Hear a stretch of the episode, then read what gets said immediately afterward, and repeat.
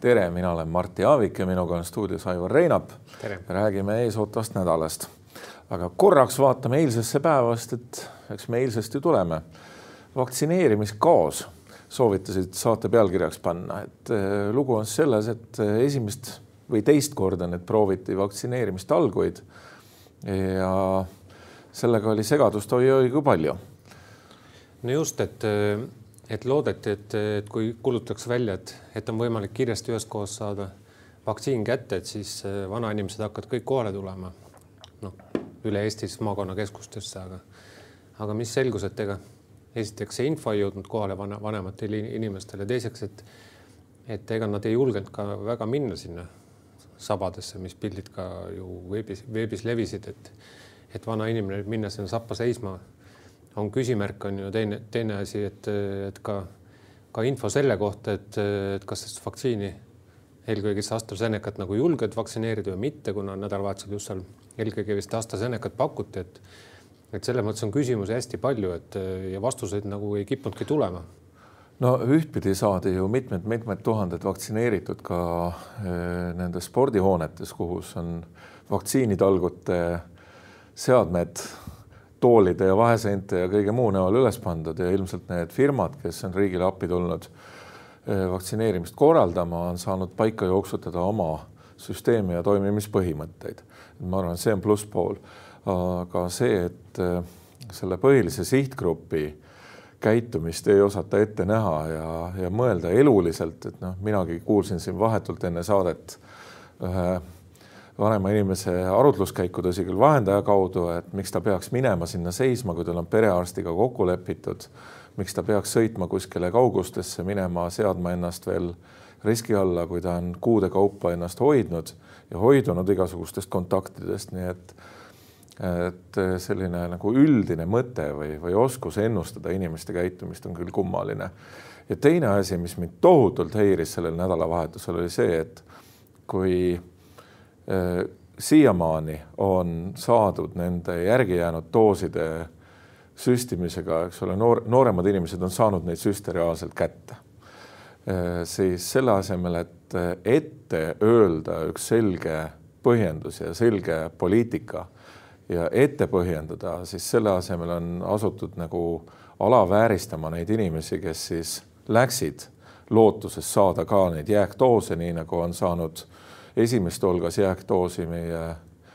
sotsiaalministeeriumi kantsler näiteks või ka auväärt äh, teadusnõukoja juht, kes tulevad esimestena kohe sellest meelde, sellepärast et mõlem ühe ametkonnast ja teiselt isiklikult siis tuli selliseid sõnumeid, et vaat kui pahad inimesed, kes lähevad sealt vanainimeste eest neid doose ära võtma. ja teine, kolmas asi on see, et äh, AstraZeneca mõjude kommunikeerimine on ikkagi väga kummaline, et et ma saan aru, et riiklik poliitika on võetud selles suunas, et lõpuks saaks selle vanema sihtrühma vaktsineeritud. aga no ega väga häid põhjendusi ei ole, miks ei peaks seda saama kuuekümnendast eluaastast noorematele süstida. see selgitus on segane või no mitte segane, vaid see selgitus on põhistamata no.. ma saan aru, et mõnes riigis on tehtud eh, järske muudatusi, aga aga selgust selles asjas igal juhul ei ole ja, ja selline edasi-tagasi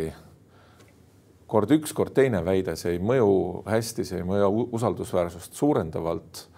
ja ma arvan, see on kokkuvõttes halb. no oleme ausad, et see ei ole ikkagi ka okei okay,, kui, kui kuskil internetis hakkavad levima mingisugused kuuldused, et et kuskil on hoolimata vanusest võimalik eh, suvaliselt saada koroonatest, kui lähed ainult sappa seisma, et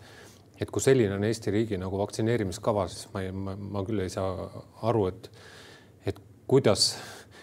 no see tõestabki, et, et vanade inimesteni polegi jõutud, on ju, et, et lihtsalt on plaan teatud kogus ruttu kellelegi nagu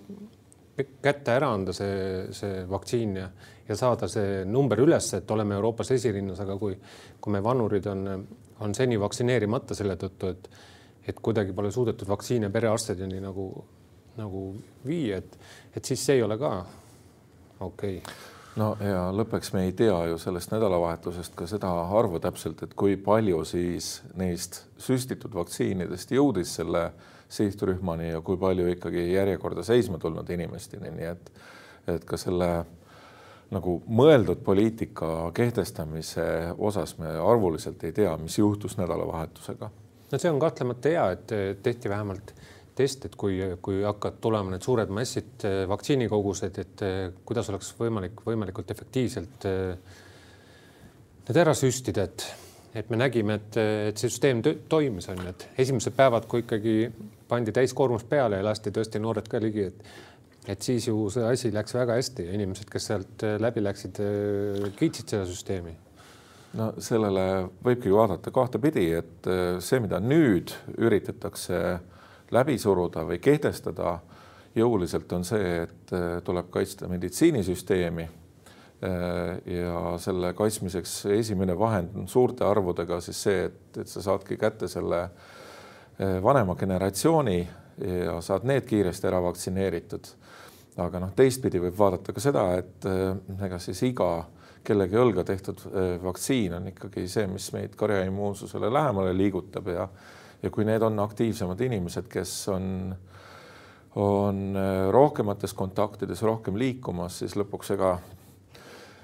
kumbagi pidi see tehtud vaktsiinide arv kahjulik ei ole. Ja kui noh, midagi positiivset sellest vaadata, siis äh, vaatame siin ju teiste maailma riikide ja teiste Euroopa riikide uudiseid ka ja, ja kurtmine vaktsineerimise korralduse üle, et, et me ei ole Eesti, Eestiga sugugi ainsad selles maailmas ja kui me oleme Euroopa Liidus siiski kolmandal kohal, nii nagu ma olen aru saanud, see pole paha. Ja seda veel selle juures, et kui vaadata ka Oxfordi piirangute indeksit, siis äh, vähemalt selle järgi meil on ikkagi ka piirangutega võimalik veel edasi minna, kui selleks mingi vajadus või tahtmine peaks olema, et äh, ka see indeks näitab, et Rootsi piirangud praegusel hetkel on karmimad kui Eestis.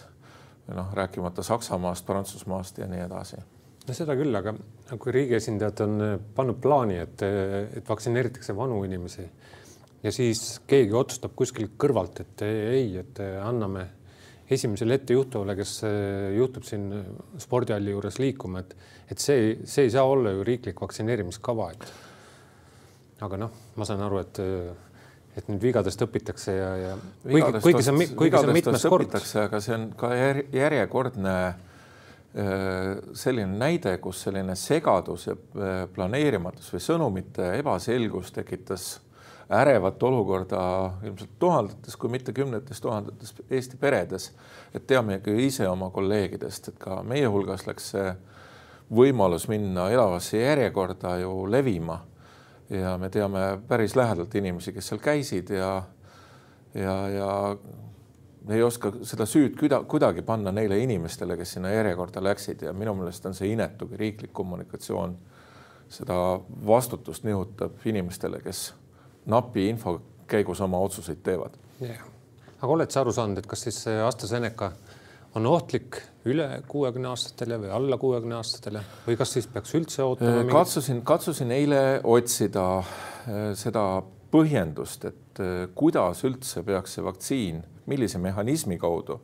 peaks see vaktsiin olema siis seotud nende trombidega küsisin nõu ka paarilt inimeselt, sellist eh, selget nagu biokeemilist rada mul ei õnnestunud kuskilt leida, et oleks ära seletatud. Eh, mida, mida saab lugeda, on see, et on erinevaid hüpoteese või õigupoolest selle statistika kohta on nagu hüpotees, et äkki, äkki, äkki võiks olla nii, et äkki seal midagi on peidus, äkki üks sajast tuhandest inimesest võib saada öö, noh, mingisuguse kõrgendatud trombiriski, aga selge see kuidagimoodi ei ole. kas alla kuuekümne või üle kuuekümne? alla kuuekümne. ja kui meile kuu aega või poolteist kuud tagasi öeldi, et üle kuuekümne aastastele inimestele neid ei süstita, noh, see, see on arusaadav, see on nüüd lahendatud sellega, et on siis piisav maht neid uuringuid Suurbritanniast, piisav hulk eh, vanemaid inimesi, kelle pealt saab järeldusi teha. aga see no, eh, nooremate inimeste lugu, mis nüüd tuleb ilmselt Saksamaalt, siis Äh, on vähemalt avalikest allikast, allikatest kättesaadavalt mingeid selgeid põhjendusi ju ei ole. et kui Eestis on võimalik vaktsineerida, et siis tuleb ikkagi uskuda ja usaldada riiki et no, see vaktsiin, mis sulle antakse, on ikkagi. ja, aga kui nüüd teadusnõukoja juht räägib seda, et on risk alla kuuekümne aastastel, siis tahaks näha ka selget põhjendust, et, et kas ta siis, kas meil saadeti siis riigi tippjuhtkond, kaasa arvatud vabariigi president, äh, süstima ohtli riski alla äh, AstraZenecaga süstimisel või mitte, et äh, see selline tilla-talla nagu vasik nagu talle saba käiv jutt selle AstraZeneca ümber on ikkagi igasuguseid mõistuspäraseid piire ületamas. ja tegelikult oleks vaja siin niisugust autoriteetset, usutavat sõnumit eh, selle kohta, kuidas nende riskidega on, et noh, ainus, mis ma leidsin, oli või tegelikult ma ei hakka siin soovitusi andma, et, eh, et eh, pigem on see nagu etteheide sellele valitsuskommunikatsioonile ja ka teadusnõukojale, et selget juttu on vaja selle kohta no see, et noored ikkagi tunglesid äh, AstraZenecat saama, see näitab, et, et see risk on ikkagi väga väike, et midagi võib juhtuda ka noorematel, nii et, et soovitan igal juhul äh, kõigil, kellel võimalik see vaktsiini saada on, et, et see vastu võtta, kui on võimalik. nii ta on aga just vahetult enne meie saate algust äh, tuli rahandusministeerium välja ka uue majandusprognoosiga, korrigeeritud majandusprognoosiga, kuidas seda nimetatakse, kevadine prognoos, eks ole ja mis me sellest siis teada saime, et eh, kui vaktsineerimine kulgeb kiire, kiiresti, siis majandus pääseb kui vedru alt ja kõik läheb hiiglama hooga edasi ja, ja kuulsime jälle seda, mida me juba teamegi, et eh, selle kriisi mõjud on väga erinevad olnud erinevatele majandussektoritele ja osadel on läinud hoopis paremini kui eelnevatel aastatel. Eks see jutt ole juba enam-vähem aasta aega kuuldud, et, et kui ükskord see kriis läbi saab, et küll siis majandus kasvama hakkab ja ja kui täielikult läbi saab, siis see kasv on seda kiirem, et, et ta lihtsalt hüppab üles, et, et kui juurde lisada veel see sügisene teise samba lisanduv raha hoog, et siis ja inimestel on tegelikult ka, ka ju väga palju hoiuseid tekkinud ehk vaba raha tänu sellele, et pole saanud kulutada nii palju ja reisida, et et seetõttu usutakse, et kui kui nüüd piirangud eh, maha võetakse, et siis inimesed hakkavad hooga tarbima või ka investeerima. noh, et kui on piisav kogus raha, et, et võib-olla siis parandatakse oma elujärge või remonditakse või ostetakse uus korter, et et kahtlemata see on nii loogiline, et, et selleks ju mingit pressikonverentsi pole ju põhjust teha, et et, et aru saada, et et kui majanduse piirangud maha võetakse, et kõik hakkab kasvama, et selge on see, et see aasta riigivõlg eh, kasvab ja ka eelarve puudujääk on ka suur, nii et et kõik ju sõltub sellest, et eh, kui kaua see kõik kestab. aga hea uudis on kahtlemata see, et et me oleme meeldivas seltskonnas selles mõttes, et meie, meie peamised eh, majanduspartnerid, nendel läheb ka hästi ikkagi, vähemalt keskmiselt paremini, mistõttu ka meie siis paljudel majandusharudel läheb väga hästi, nii et et ei, ei ole kõige hullem sees. no jah, et ilmselt üks põhjus, miks see äh, prognoosi tutvustamine nii äh, suhteliselt varastel hommikutundidel toimus, on see, et täna on ju ka äh, lisaeelarve teine lugemine algamas Riigikogus ja saame näha, mis vaidlusküsimusi see siis üles toob. et osa neid piirjooni on juba maha joonistatud, aga noh, see on üks tänase päeva jälgitavamaid uudiseid ja kui Riigikogust veel loetleda, siis äh, teame eelmisest nädalast, et äh, küllalt ootamatus kohas, minu jaoks vähemalt, nakkushaiguste ennetamise ja tõrje seaduse suhteliselt tehniliste täienduste juures on äh, tekkimas poliitiline tüli ja EKRE on ähvardanud siis selle juures hakata rakendama obstruktsiooni ehk siis venitama Riigikogu tööd ja igatepidi seda neid muutusi tagasi tõrjuma. eks see on ju mõneti ka arusaadav, et eks poliitikud ju, ju teavad neid märgilisi, märgilisi sündmusi, mis võivad nende valijaskonda elavdada või, või neile korda minna, et, et kui siin on võimalik anda nagu signaal, et, et meid ähvardab politseiriik ja politseile suuremate volituste andmised, et siis on võimalik selle ümber kindlasti palju palju kisa ja kära tekitada, et. nojah, aga meie võrdlesime eelmisel nädalal seda nakkushaiguste ennetamise ja tõrje seaduse erinevaid versioone ajalooliselt päris põhjalikult, kasutasime ka spetsialistide abi ja minu järeldus on küll see, et põhimõttelised muudatused tegi eelmine valitsus eelmisel kevadel sellesse, ehk siis laiendati oluliselt Terviseameti volitusi, võeti sealt vahelt ära demokraatlike otsustuskogude erinevad kohad, no näiteks asutuste sulgemisel varem pidi Terviseamet tegema selleks ettepaneku ja siis ikkagi kohalik omavalitsus sulges ühe või teise asutuse. see kadus eelmisel aastal ära. ja lisati ka selline noh, kahtlemata koroonaviiruse eeskujul selline suhteliselt udune mõiste, mille üle siis või mille vastu siis nüüd EKRE üllatuslikult vaidleb, mis nad ise eelmisel aastal tegid. ehk siis uudne ohtlik nakkushaigus asi on ilmselt lihtsustatult öeldes selles, et äh, sajandi jagu on see ohtlike nakkushaiguste nimekiri olnud üsna ühetaoline ja nakkushaigused on meieni liikunud aeglaselt teistest maailma otsadest äh, ja nähti, et siis koroona näitel, et võib-olla on vaja kiiresti reageerida ka mõne sellise haiguse puhul, mida enne ei ole tuntud nii et tõepoolest Terviseameti volitusi on väga-väga palju laiendatud, aga seda juba eelmisel aastal. ja mis siis nüüd juhtub, on see, et eh, politsei, kes niikuinii läheb, kui inimesed kaebavad, ütlevad, et kuskil korteris käib suur pidu näiteks. Eh, kes sinna kohale läheb, ei lähe ju terviseametnik, läheb politseinik.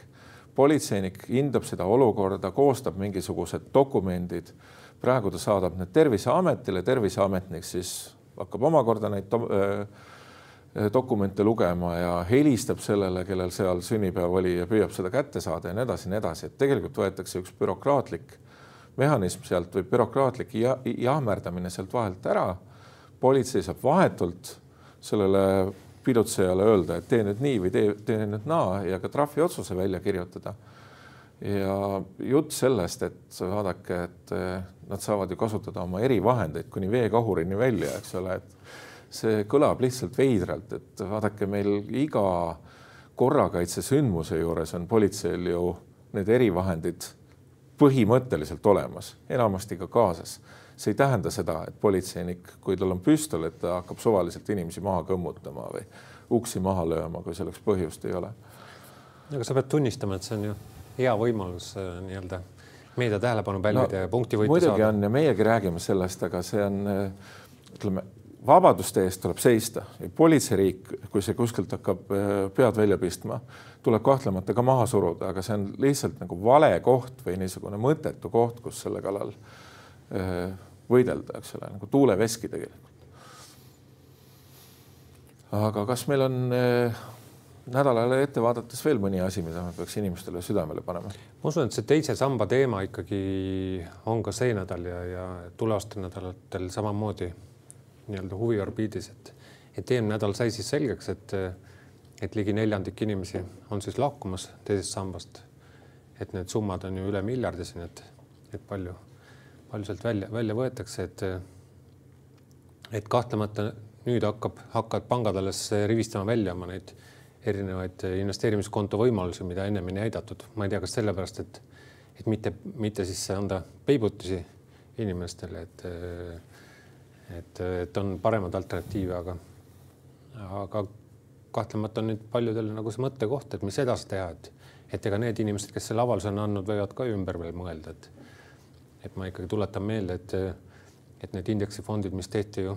muutsid eh, ka investeerimise tulusamaks ja vähem kulukamaks nii-öelda valits-, fondide valitsemistasude näol, nii et et mõtlemiskohta siin kahtlemata on, et, et kas inimesed on ise paremad investeerijad ja eriti kui sa pead tulumaksu sealt ära maksma, et, et äh, aga minu hinnangul see su suurus nüüd nii suur ka ei olnud, et, et ma isegi oleks eeldanud, et võib-olla oleks isegi rohkem inimesi olnud, et tuletame meelde, et ikkagi valdav enamus jättis ju raha järgi alles fondidesse, nii et, et nad ju suuremas osas ju usutakse süsteemi, et eriti kui see on nüüd muutunud ka. nojah, et positiivne, kui siin positiivset otsida, siis on see, et kui tõepoolest tuleb teenuseid juurde ja, ja pangad oma käitumist parandavad, mida nad on tegelikult natukene teinud juba selle muutuse hirmus et see on kahtlemata hea ja noh, riskid on ikka needsamad, millest, millest siin on ka palju räägitud ja, ja palju vaieldud ja ja need, kes on selle vabaks andmise poolt, ütlevad, et see ei ole üldse probleem. pangad on nii halvasti eh, seda korraldanud niikuinii ja ja, ja suurt pensionilisa sealt oodata ei ole tänu neile. et, eh, et eks siis vaatame, mis see vabadus endaga kaasa toob aga eks... üha targemaks me saame iga nädal, ma arvan. no eks eksperdid on öelnud, et see sambasüsteem kahtlemata paremini või edukamalt, äh, edukamalt äh, esinenud inimestele töötab see paremini, et kellel on kõrgemad palgad, nendel on seal suuremad võimalused, et et madalapalgalistel võib-olla tõesti on esimeses sambas nagu rohkem võimalusi, et aga aga noh, see pensionidebatt on nüüd ammu juba peetud, et pigem nüüd tuleks jah vaadata, et kus need paremad võimalused nüüd on oma raha kasvatamiseks kui keegi seda ise tahab tegema hakata. Nii on, aga täname teid vaatamast ja soovime kõike head. lugege Postimeest ja vaadake meid järgmine nädal jälle. nägemist.